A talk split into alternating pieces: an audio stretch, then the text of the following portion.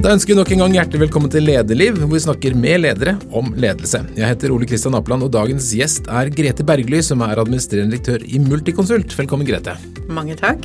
Hyggelig å se deg. Vi har hørt navnet Multiconsult før. Det er et av disse mange rådgivende ingeniørselskapene som det er en, en, en god drøss av. Det er Norconsult og Asplan Viak og Rambøll og mange, mange forskjellige. Hva er det som er spesielt med Multiconsult oppi dette? Det er jo den store utfordringen at mange ikke skiller oss. Eh, der vi tror vi kan skille oss ut, det er noen typer kompetanser vi har. Eh, og så er det klart at den, eh, det at vi har vært flerfaglige veldig lenge, det er unikt. Og så har vi eid et arkitektfirma lenger enn de fleste. Nå mm. begynner jo de fleste rådgiverne også å ha det. Så, men det jeg tror er det unike med oss, det er at vi faktisk er gode på samarbeid på tvers av enhetene våre. Og det er en styrke som nok er sterkere enn mange internt hos oss òg forstår. Mm. Dere har lang historie? Vi har lang historie. Eh, vi er jo helt tilbake til 1908. Eh, og da var det Norsk Vannbyggingskontor som begynte industrireisingen i Norge med vannkraft. Det var veldig søtt navn, da. Ja, det er, veldig fint. Eh, så var det nok Multiconsult-navnet og opphavet der. Det er ikke riktig så gammelt. Men uh, vi har jo vært uh, i hvert fall en 70 år også under det navnet. Ja. Det er et veldig praktisk navn. Da. Du kan jo gi råd om alt under det navnet. Det er helt unikt framsynt, ikke sant. Mm. det har vi sagt mange ganger, at uh, de som satte navnet. Men det var jo nettopp dette med multi som Den store konsolideringen i rådgiverbransjen, den kom jo sånn rundt 2000. Før det så var de aller fleste rådgiverne tufta på ett fag. Mm. Så den multifaglige eh, og disse spesialfagene som vi kalte de da, som ikke er det lenger, det var også noe unikt i Multiconsult. Så vi har jo rådgivere som var med å skape disse fagene fordi man så at de store tradisjonelle ikke var tilstrekkelig. Mm. Mange sier, kaller det jo for rådgivende ingeniører, men det er, det er mer enn ingeniører. Du nevnte arkitekter. Er det andre, ja. andre, fag også? Ja, vi, har jo, vi begynner jo å ha samfunnsvitere. Natur mange, natur, mange fra Ås. Eh, Landbrukshøgskolen der, hvor de har en del eh, som jobber mye med water resource management. Eh, så det er noen år siden vi slutta å synge NTU-sangene på julebordet for det, og det gjorde nok vondt for noen. Vi har en, del, en god del økonomer. Men dere, men dere er fortsatt tuftet på det tekniske. Dere går liksom ikke over mot uh, si, juss eller IT eller forretningsutvikling. Vi sitter og ser over på, på Deloitte og andre ting. Dere, dere, skal ikke den veien? Jeg tenker at eh, Jeg tror i hvert fall det digitale og produktet knytta til det digitale eh, ser vi jo på nå. Mm. Eh, vi ser at vi kommer nok til å kanskje ha en inntektsstrøm mye mer tufta på det enn kanskje tradisjonell prosjektering. Eh, og den tidligfaserådgivningen som vi også har. Men eh, det er nok en stund til vi begynner å ha jusfolk hos oss mm. som selger tjenester. Men hvis du skal skryte litt av et par prosjekter da, som, som liksom viser Multiconsult på sitt beste, hva vil du, skulle det være? Nei, Vi kan jo bare se hele Barcode-rekka. Så har Multiconsult vært med på geo og byggeteknikk. Mm. vi har vært med på Vi har jo vært de som har prosjektert Deichman eh, og Munch, som vel har fått litt ulik Så vi er jo med å prege byen vår. Mm. Vi jobber akkurat nå med Fornebubanen, som kanskje er et av de aller, aller viktigste infrastrukturprosjektene for i hvert fall Oslo og Bærum. Mm. Så dere er med på å forme samfunnet? Vi er veldig med på å forme samfunnet. Og vi jobber jo i, i mange forretningsområder. Mye på fornybar, eh, som jo vi ser at blir viktigere og viktigere også. 3000 mennesker, mange steder i Norge og flere andre land? Ja, vi er eh, flest i Norge, eh, hvor vi har både rådgivervirksomheten og Link, som jo er Norges største arkitektkontor. Så har vi noen arkitekter i Danmark, og så har vi arkitekter og ingeniører i Sverige. Og så har vi faktisk en ganske stor ingeniørvirksomhet i Polen. Og Er det en ambisjon om å bre seg utover hele Europa, eller er det bare blitt sånn, eller? Nei, det, det, har ikke bare blitt sånn, men jeg tror eh, vi hadde jo den forrige strategien vår var jo veldig ekspansiv, med en veldig um, en stor ambisjon om et fotavtrykk i Skandinavia. Eh, det fikk vi ikke helt til, eh, og det er vel det vi begynner å se på nå inn igjen når vi nå begynner å få en litt bedre bunnlinje og spillerom. Mm. Så, så, er jo målet vårt å ha et fotavtrykk, i hvert fall i Skandinavia. Polska var nok mer en intensjon om å bruke ingeniørkraft et sted hvor det, man fikk det rimeligere, eh, som en konkurransekraft. da. Mm. Men generelt så er du en bransje som er mye norskeid? Mye norskeid. Mm. Men uh, vi har jo Norconsult som den største norske, men Sveko, Covi, Rambøll er jo danske og svenske. Så mm. det er store danske og svenske eiere som har uh, filialer da, her i Norge. Og så var du inne på at ut, det skjer endringer, men dere virker som dere utvikler litt i takt, eller, eller er, det, er, det, noen som tar helt annen retning? Prøver du, prøver du å gjøre Multiconsult annerledes enn de andre? Jeg, det, liksom, vi lever jo i samme omgivelser. og Vi vet jo alle som lager strategier, så er det driverne i samfunnet ditt som, som uh, må sette retningen. Så jeg tror ikke vi er Vi er ikke veldig forskjellige, men vi har ulike styrker. Mm. Uh, og det gjør i hvert fall at vi konkurrerer ikke. Alle de fem store konkurrerer ikke på alle områder. Vi møter noen i bygg og eiendom, vi møter noen andre i samferdsel, mm. en tredje kanskje på energisiden. Så det er vel mer hvilken av disse områdene vi tror vi skal ha vår styrke nå. Mm. Du har jobbet her siden 2002. Eh, og eh, i den perioden så ble, så ble dere børsnotert. Eh, hvorfor det? Hva var ideen med det? Ja, det, det, er, det er, litt sammensatt. Men Multiconsult hadde en veldig krevende periode på 80-tallet, og da fikk man inn en ekstern svensk eier, som etter hvert ble kjøpt av et engelsk selskap, og så ble de kjøpt av canadiere. Og da begynte man å pushe mye mer på at man ønsket egentlig å overta Multiconsult. Man ønsket å ha kontroll i Norge, for det, det er et fint sted å være. Eh, det ønsket ikke de som var aksjonærer da i Multiconsult. Og da det, fant man ingen annen løsning enn å gå på børs. Så det var nok litt drevet av et eierskap. Eh, men også da med et mulighetsrom for å, få kapital på en annen måte mm. enn det man ellers hadde mulighet for når det var bare internbørs. Og så gikk jo ikke det så helt fantastisk bra, akkurat? Det gjorde ikke det. Det er helt riktig. Og så, så var det en leder som gikk av, og så kom du inn. Ja, det er kortversjonen. For, for, å gjøre en lang historie kort, ja. ja. Og, så da du kom inn i mars i 2019, så så det ikke så bra ut. Og så har du gjort en snuoperasjon og hedres for å ha liksom løftet selskap. og Det er veldig spennende. Fortell litt hvordan det så ut da du kom inn. Da jeg kom inn, så hadde vi da for vel fjerde år på rad eh, hatt eh, fallende inntjening. Eh, og i realiteten så had, tjente vi nesten ikke penger. Eh, og jeg kom jo inn i et selskap som da hadde mista litt selvtillit. Både Det skjer noe i en organisasjon når styreleder går, AD går. Ehm, vi var i rettssak med Stortinget. Så det var ganske lav selvtillit. Men jeg har jo vært i selskapet lenge. Jeg visste at det var ikke noe fundamentalt hos oss som gjorde at ikke vi skulle levere på samme nivå som andre konkurrenter. Vi hadde ligget der oppe tidligere. Og eh, ser vi tilbake, så var det flere ting som traff oss, men kanskje særlig dette at vi begynte å rigge for en vekst hvor markedet ikke var helt med oss. At man mm. hadde ikke forankra strategien helt i, i, markedet. Og da Vi er en bransje som har gode marginer når alt er med oss, men det blir veldig smått når man får mye mot seg. Mm. Så, og vi er jo også en bransje hvor vi vet at den største potensialet vårt det er alltid på inntektssiden. Mm. Så det er veldig fort gjort å ikke ta den der brutale gjennomgangen av kostsiden. Så vi gjorde begge deler.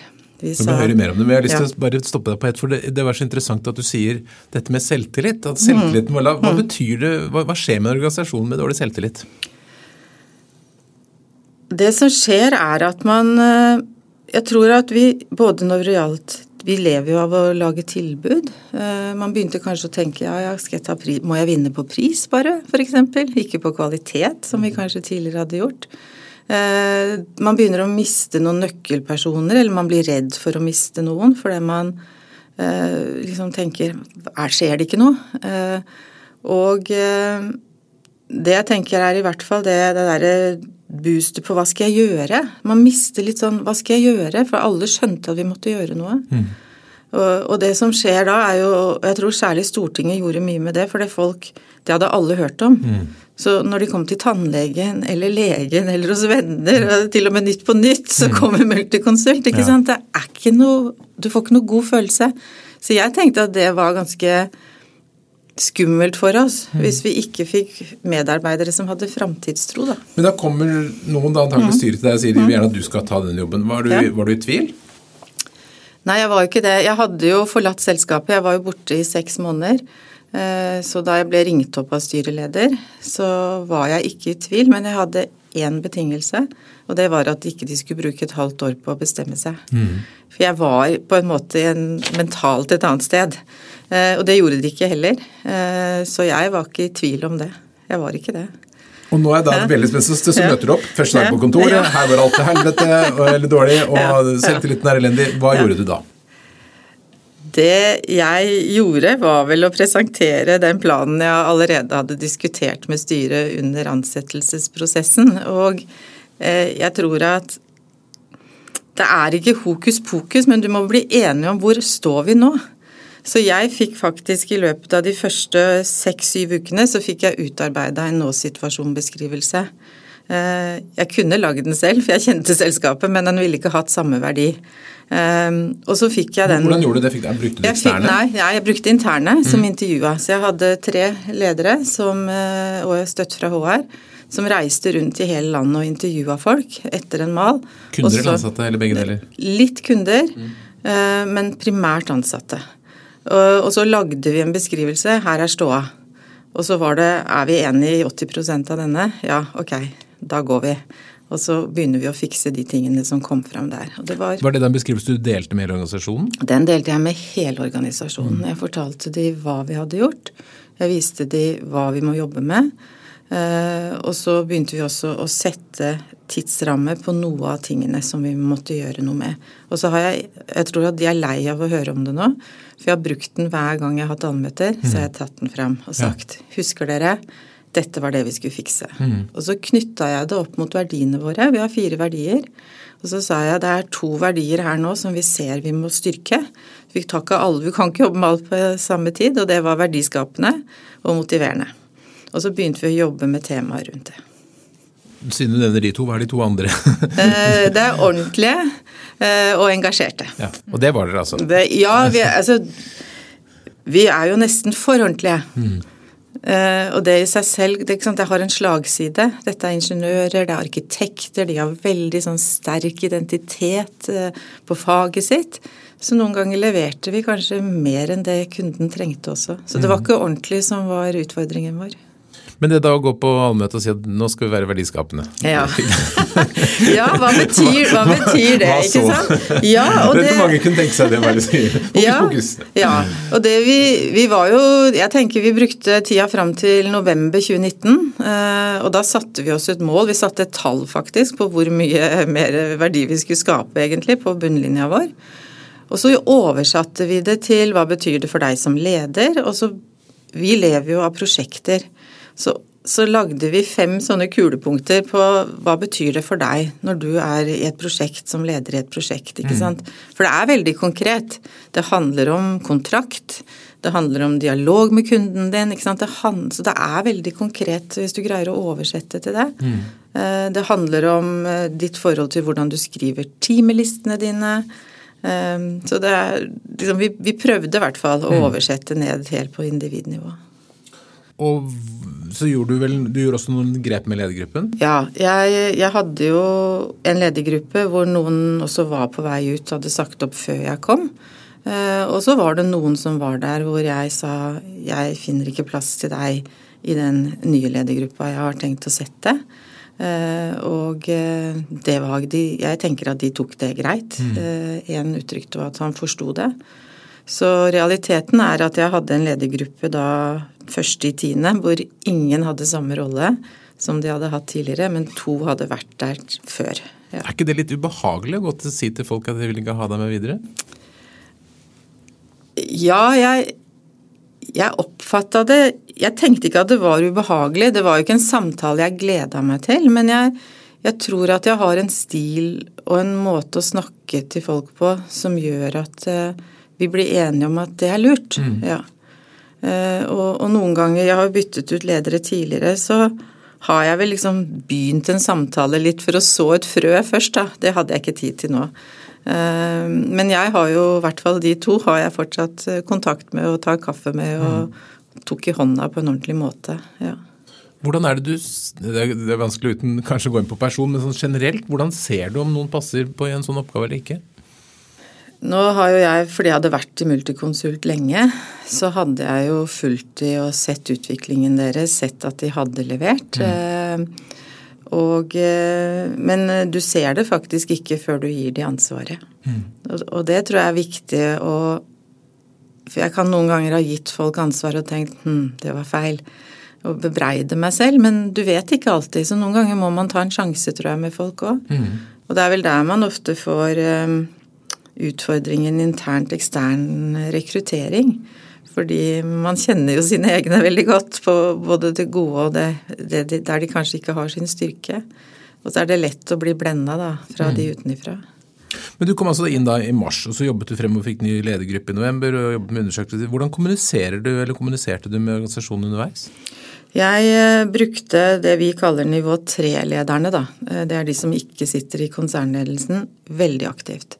Så, og, og, og snuoperasjonen var jo primært Norge.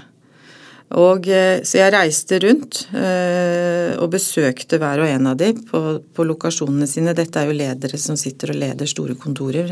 Sånn som i vest så har de over 200, mm. så det er jo egentlig små bedrifter. Mm.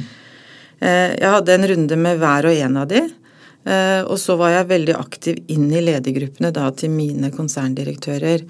Og de var veldig enige i nå-situasjonen jeg er ganske flink til å formulere hva er viktig akkurat nå. Eh, hva forventer jeg av dere? Og så, når vi skulle da forbedre bunnlinja på 150 millioner, så sa vi vi har identifisert en del kostnader som det skal jeg sørge for at vi tar på det som er forretningsstøtte og andre ting. Eh, hvor mye kan du bidra med? Mm. Så de fikk ikke et mål, alle, noen ville sagt alle skal ha 10% eller noe, men hver og en av de fikk komme fram med sitt tall. Hva kan du på kostnadssiden, på hvordan du driver bedre, ta ned risiko? Og alle hadde tall, og det har vi fulgt de opp gjennom hele 2020. Mm. Så det var, på, det var, på, kostnadssiden? Ja, og på og driftssiden også. Mm. Fordi det var, det var deler av organisasjonen nå som ikke var effektiv. Mm. Men fikk de, de, fikk lov å sette ord på, på kost, på å drive bedre, eh, og det å få en effektiv organisasjon. Eh, hvor, hvor, tror du, hvor mye kan du bidra med her? Og hvordan har det gått? Ja, Vi har jo greid 150 millioner, eh, og så fikk vi jo nå et svakere resultat i kvartal tre. Mm. Altså 150 millioner resultat i Forbedring. Ja. Altså, vi, eller vi har greid å identifisere eh, aktiviteter som vil gi en 150 millioner kroner forbedring på bunnlinjen. Ja. Men noe av det kommer ikke før om noen år. For noe er f.eks. leieavtaler som er sagt opp, gjort mm. opp noe er på organisasjonsjusteringer. Så vi, vi greide jo det målet. Men da er jo utfordringen å holde det. Eh, og så har vi også vært ganske åpne på at noe av effekten var en koronaeffekt. Eh, og det har vært litt vanskelig å identifisere. Mm. Men, eh, så vi har jo levert eh, EBIT-marginer opp mot 12% så det har vi kommunisert veldig tydelig at det er ikke et nivå som er eh, bærekraftig for oss der vi er nå. Men vi fikk jo allikevel en veldig smell når vi leverte et, et svakere Q3. Men rett og slett fordi dere var mer effektive på hjemmekontor, eller? Ja, mm, det er, det er mer effektivt. Og jeg tror i første halvdel av 2020, eller i hvert fall de, de tre-fire første månedene av korona, så var det jo dugnad. Mm. Og det var jo helt eh, fantastisk egentlig å oppleve den kraften i organisasjonen. Mm. Men vi hadde jo ingen reiser. Eh, vi stoppet opp en god del utvikling i starten. Eh, så det er noen sånne effektivitets... Eh, det var jo ikke interne møter lenger. Så det er jo til ettertanke. Mm. Har dere endret arbeidsform nå etter korona? Ja, det har vi. I den grad vi kan si vi er forbi? er vi forbi? Det lurte jeg på i dag. Ja, ja vi er jo klart at vi, er jo, vi har jo f.eks. fagnettverk som brukte å møtes fysisk. Vi ser at det trenger vi kanskje ikke å gjøre hvert år. Vi kjører jo ledermøter nå eh, litt annenhver gang fysisk mm. digitalt.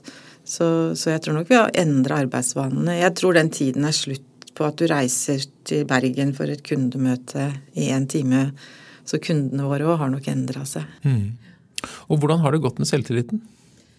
Jeg tenker at den eh, er på vei opp. Mm. Det er Det er ganske rørende når du møter folk, for jeg lurer jo alltid på hva tenker folka liksom, på gulvet som jeg ikke møter, og som jeg ikke har fått møtt i det hele tatt pga. korona. Men jeg møter noen, og en som sa at det er så deilig, Grete, for nå føler jeg at jeg har en trygg arbeidsplass. Eh, og, og, det er klart at folk liker å være på et vinnerlag. Jeg fikk sitert fra en av mine ledere at uh, det var en som hadde sagt vet du hva, jeg gjør akkurat samme jobben som jeg har gjort de siste fem årene. Men fy fader, så stolt jeg er nå. Det er ganske Så det, er, det, betyr noe. Kanskje mer enn vi tror. Hva, hva har vært det viktigste for å skape den stoltheten? For meg så har det nok vært uh, å vise fram hva vi kan greie sammen. Uh, og så har jeg vært uh, opptatt av at vi er til for kundene våre. Og det at vi vinner store oppdrag er veldig avgjørende for oss. Så jeg tror nok det at vi har greid å få oppdragene, at vi, vi har jo Vi ser jo nå at vi har forbedra graden av, av tap i oppdrag ganske betraktelig. Så det tyder jo på at vi har fått kontroll på risikoen vår også. Mm. Men du er jo som vi har snakket om da børsnotert, da må du rapportere tall stadig vekk, og, og alle følger med på sitt analytikere og leser tallene. Sånn. Er, det, er det en utfordring der å skulle både gjøre endringer som er riktig på veldig lang sikt, samtidig som du skal levere på kvartalet? Det er det. Det er det. Og, eh, og det er jo en hårfin balanse. Eh, for det respekten for investorer. Er, de har brukt pengene sine, ikke sant. Jeg har veldig stor respekt for det. Og så tenker jeg likevel at mitt mandat eh, og det fra styret, det er at Multiconsult skal være her om 100 år også. Men det er, ikke, det er enkelt å si. Det er ikke så enkelt å gjøre. Eh, og eh, det å ikke være så opptatt kanskje av svingninger på, på kursen mm. Jeg sjekker ikke kursen hver dag, det er veldig bevisst. Fordi vi skal gjøre det som er riktig på lang sikt, men, men det betyr ikke at det er enkelt. Og det jeg ser, er at vi må i hvert fall trene på å kommunisere hvorfor vi har gjort de beslutningene vi har gjort. Hvis vi ser litt sånn på din lederrolle og går litt bakover i tid, var det vokste du opp som en, eh, med, et bilde om at du skulle bli leder i et børsnotert selskap? Absolutt ikke. Jeg er jo uh, oppvokst i sjuende etasje i en eh, drabantby, altså i Groruddalen i Oslo. Det var ikke så mange konserndirektører der å sammenligne seg med. Så det var det, det var det absolutt ikke noe plan, og jeg tror ikke eller jeg vet at det, det, har ikke vært en sånn drøm for meg å bli konsernsjef. Men jeg har fått ansvar alle steder jeg har kommet. Eh, og når jeg forteller om min reise, så sier jeg den er jo basert på at jeg sier ja når jeg blir spurt. Når var første gang du husker at du fikk eller tok et lederansvar? Eh, det var da jeg kom til, eh, til, Skottland eh, og jobbet der. Da fikk jeg ansvar for en liten gjeng på fem stykker. Mm. det er ikke sikkert jeg var så bevisst på at jeg skulle være lederen deres, men etter hvert så skjønner man jo det. ja. Så det var første gang. Har du hatt noen forbilder som ledere som har påvirket lederstilen din? Ja, jeg har det. Jeg, jeg hadde en speiderleder som jeg etter hvert skjønte at det var en utrolig grepa dame, ikke sant. For hun, hun tok med alle. Hun var ikke så opptatt av regler. Hun var ikke så opptatt av at folk måtte ha på seg de riktige klærne. Hun var en sånn veldig sånn omsorgsperson, men veldig stødig. Så hadde jeg en håndballtrener. Eh, som jeg òg tenker lærte meg en god del ting. Eh, kanskje en av de første som begynte å jobbe systematisk både litt med det mentale og, og liksom jeg så hennes systematikk. Og så må jeg jo nevne Håkon Sandum, som var leder i Multiconsult da jeg kom dit. Eh, han var også Jeg var i Aker da han mm. var der òg. Eh, fordi han har en unik evne til å inkludere og se menneskene, og samtidig sette veldig tydelig strategisk retning. Det jeg hører, oppfatter ut fra det du sier, at det handler ganske mye om omsorg, dette? Ja da, det gjør det nok. Det gjør det. Eh, og det handler jo om å se folk. Eh, og respekten for mennesker. Jeg tror jeg, har alltid vært opptatt av respekten for mennesker. Og jeg har liksom hatt et sånt bilde i hodet helt fra jeg var liten at jeg er veldig heldig. Jeg skjønte jeg var flink på skolen, jeg var heldig jeg fikk til sport. Og skjønte at det var en verden der ute som ikke var sånn. Og så har jeg vært håndballspiller, eh, og det å bygge lag, mm. eh, det er jeg opptatt av. Har du da en, en klar uh, filosofi på hvordan du vil bli oppfattet som leder? Hvordan de ansatte skal se deg? Ja, uh, jeg har i hvert fall, Jeg er veldig opptatt av at jeg leder gjennom å sette tydelige forventninger uh, og respekt for alle. Og en åpenhet. Altså dette med å ha transparens. Og det har jo en flippside også. Mm. For det fordrer jo at man har fått til den tilliten. Men det er jeg veldig opptatt av. Og så håper jeg at jeg er en leder de kan komme og snakke til. Det er viktig. Er det ekstra vanskelig med åpenhet når man er børsnotert? For noen ting er jo hemmelig og kan påvirke kurser og, og sånt. Ja, det, det, vi lukka da vi ble børsnotert, så lukka vi alt. Og fram til da hadde vi hatt allmøter hvor vi viste fram alle tall, mm -hmm. alle enheter. Og så lukka vi det helt. Eh, og så tenker jeg, vi har, fikk jo en ny CFO. Og jeg syns Hans Jørgen har vært veldig flink til eh, å hjelpe oss med å balansere akkurat det der. Mm. På hva vi kan vise, men også å tydeliggjøre det ansvaret hver enkelt har når det gjelder informasjon og innsideinformasjon. Men vi kan ikke vise alt. Det kan vi ikke. Du sa du er opptatt av å se folk. Jeg har forstått at du har ganske mye møte med folk? Ja, det er riktig. Jeg har jo jeg har kutta ned eh, Egentlig så kutta jeg ned litt. Det er veldig fort når du blir leder, så begynner du ja, nå må vi møtes hver uke, ikke sant. Alle sammen. Og så sitter du der med fast agenda, møtereferater og forbereder veldig nøye. Mm. Jeg er ikke sikker på at det er verdiskapende. Så jeg kutta, det gjorde jeg første gang jeg ble leder for ganske mange, så kutta jeg ut alle møtene nesten. Og så sa vi trenger å møtes en gang i måneden mm. Litt sånn ordentlig tid. Og så bør vi ha en sånn touch er det noe jeg må få avklart før jeg skal til det lange møtet. Mm. Og så har jeg valgt å ha én-til-én-møter med de jeg har vært ledere for. Og det har jeg gjort helt siden 2013, tenker jeg. Um, og da er det en ganske fast agenda på det. Liksom, hvordan ligger det an på de målene du har? Og, men det er også en mulighet til å si hva strever du med, eller hva mm. trenger du hjelp til, eller bare... Hvor ofte møter du henne, da? Cirka hver sjette uke. Ja. En time. Ja. Og så snakker jeg jo Jeg snakker med de ellers, og det er ikke sånn. Men jeg ser at det Hverdagen tar oss. Så det å ha dette strukturert Men det er et møte det er lov for begge parter å flytte eh, hvis det kommer noe annet og kunder og Men vi gjennomfører det stort sett.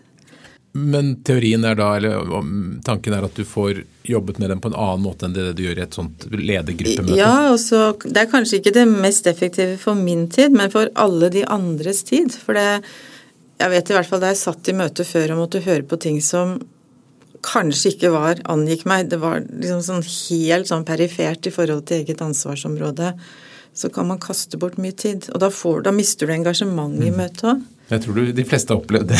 ja, de fleste har nok det. ja. ja. Hvorfor skal jeg sitte og, skal jeg sitte og høre på dette? Hva, hva opplever du er vanskelig i den jobben du har? Det vanskelige er jo å Jeg tror for oss nå, eh, hvor det har vært liksom i sånn veldig mobilisering, og så går det bra, eh, det er å skjønne at eh, det krever like mye arbeid å holde seg her. Mm. Det som er krevende, er jo når eh, folk ikke leverer, eh, når kundene ikke er fornøyd. Og så er det kanskje det å stake ut og kommunisere en strategisk retning som er relevant for alle. Jeg mm. tror det er noe av det de fleste toppledere strever med.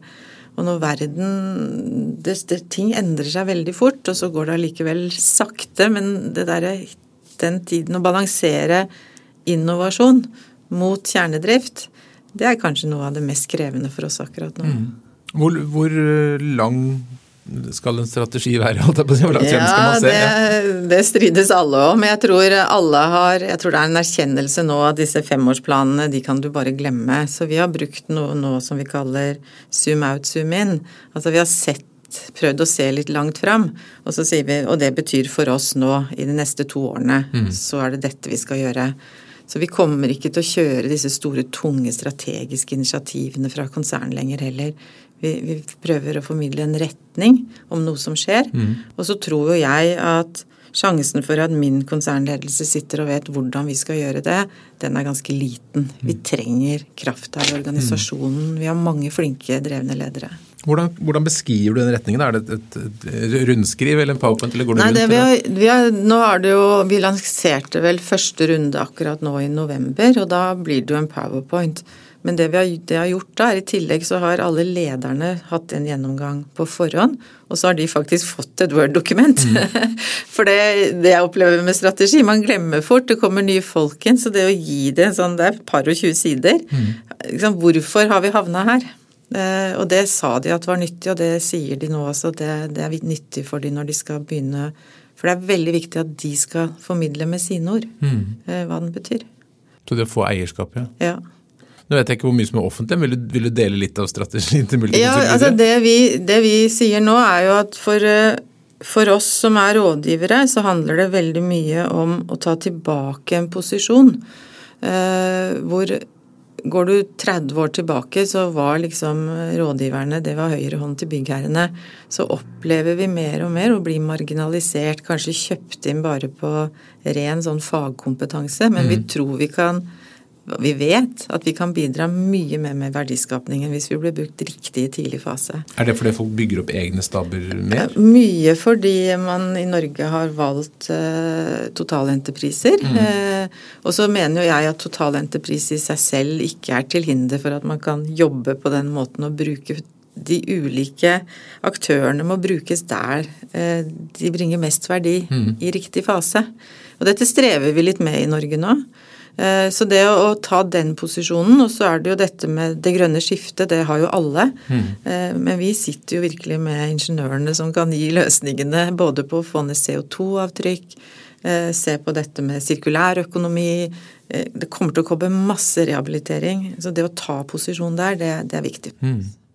Og så er det vel en utfordring at de aller fleste som gir råd, både vi og dere og, og alle de andre, det er, det er, kortere avstand mellom lønninger og timepriser? Altså marginene er ja, presset? Ja, og det har jo vært uh, i, i, rådgiverbransjen så har det vært en stund. Det har flata litt ut nå. Uh, jeg tror for oss som jo faktisk Det er ikke alle som tenker på det, men når du kommer til detaljprosjektering, det er produksjon. Mm. så vi kommer jo til å oppleve, og jeg vet ikke når, men på et eller annet tidspunkt så er mye av det vi gjør, automatisert. Men verdien av det vi skaper, er jo akkurat like stor. Så, så, hvordan får vi mer en sånn verdibasert eh, forretningsmodell mm. eh, enn en ren time? I dag er vår verdi bare basert på timer, nesten.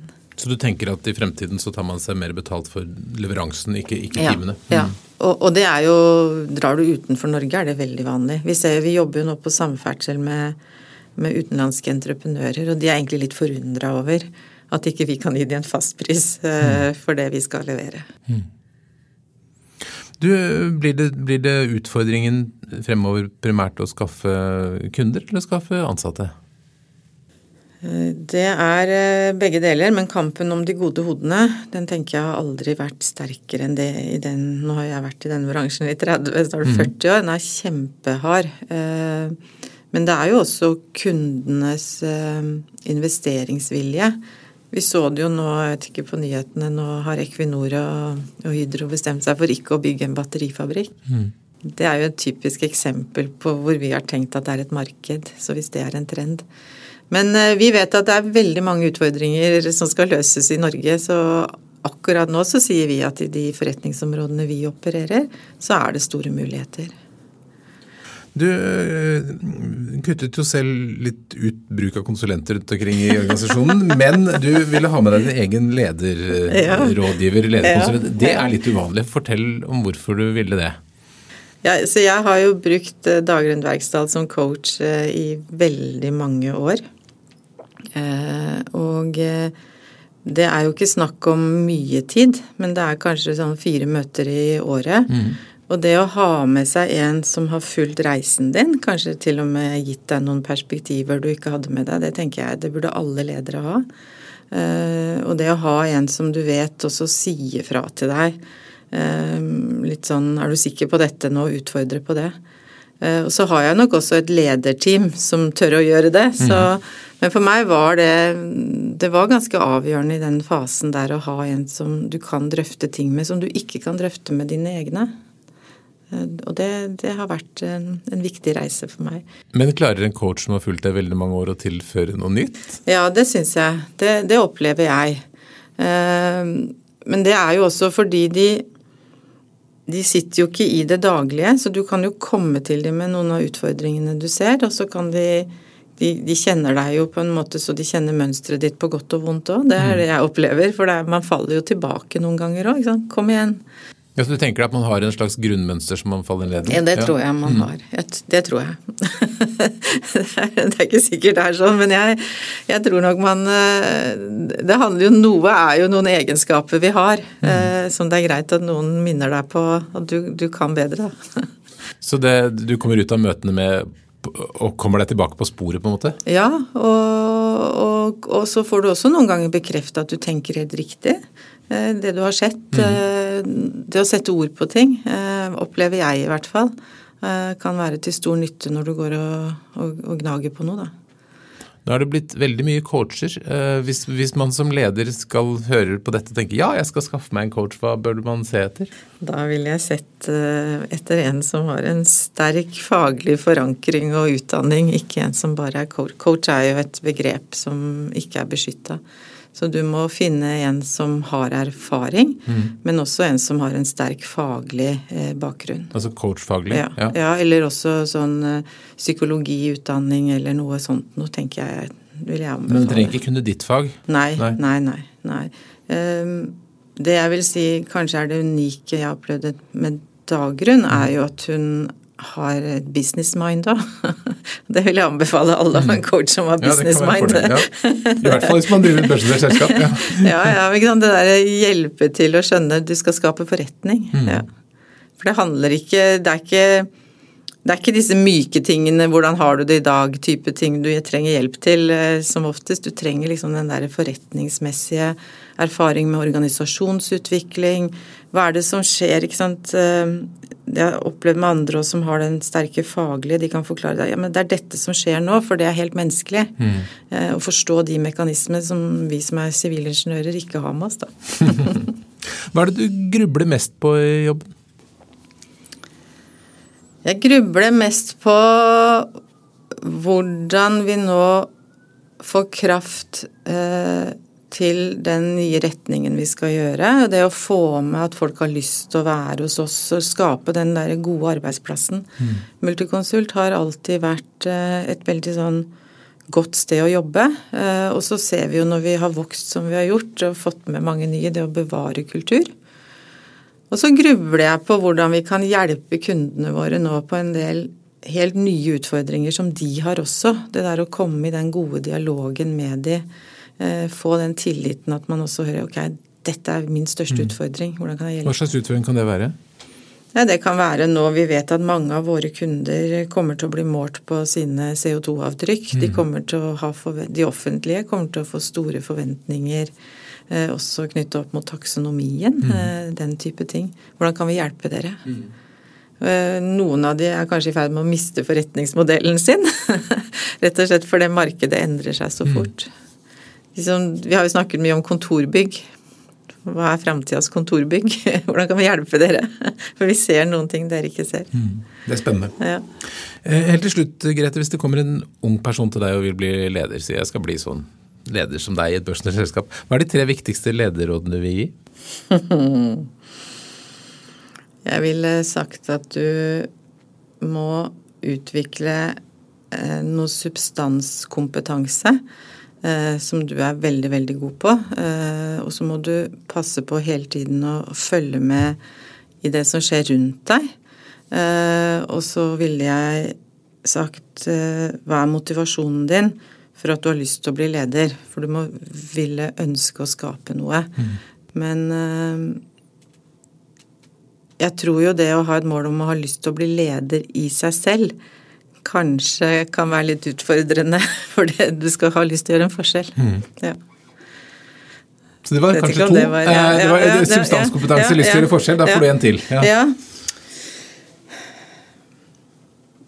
Altså, du er nødt til å trene deg på å jobbe og oppnå resultater gjennom andre. For uten det så kommer du aldri til å greie å overleve som leder. Så det er ikke å overta alle jobbene selv? Ja. Mm. Ja, du må jobbe gjennom andre. Og det, det er ganske krevende, eh, det å sette riktig balanse. Man hører ofte om det ledere som er for detaljorientert. Jeg måtte jobbe mye med meg selv, for du kan Jeg kunne ganske mye om å være en byggetekniker. Men eh, når du tar over flere fag, så hjelper det ikke. ikke sant? Det er veldig fort å, å konsentrere seg om de tingene man kan. Men du må gjøre det du skal, ikke bare det du kan. Jeg tror det er i hvert fall lest det som er definisjon på ledelse, nettopp det med å oppnå resultater gjennom andre. Ja, ja. Kanskje det som er utfordringen. Ja, og det, og det er litt trening i det, ikke sant. Å sette nivået på en måte som er riktig, eh, og som gjør at folk føler at de får lov å yte selv. Eh, og samtidig følge de opp, da, eh, når de ikke lykkes. Det er krevende. Det er bra. Da får vi noe å pusle med. Ja. Grete Bergli, tusen takk for at du kom til Lederliv. Mange takk.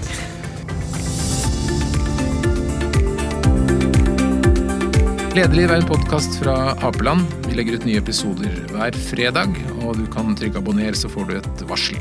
Redaksjonen består av Ellen Paulsen, Lars Jarle Melum, Lars Volden og meg, som heter Ole Kristian Apeland. Vi er veldig mottagelige for ros og ris på e-post til meg, ole.apeland.no. Eller du kan gi oss en stjerne der hvor du hører podkasten. Takk for at du lytter.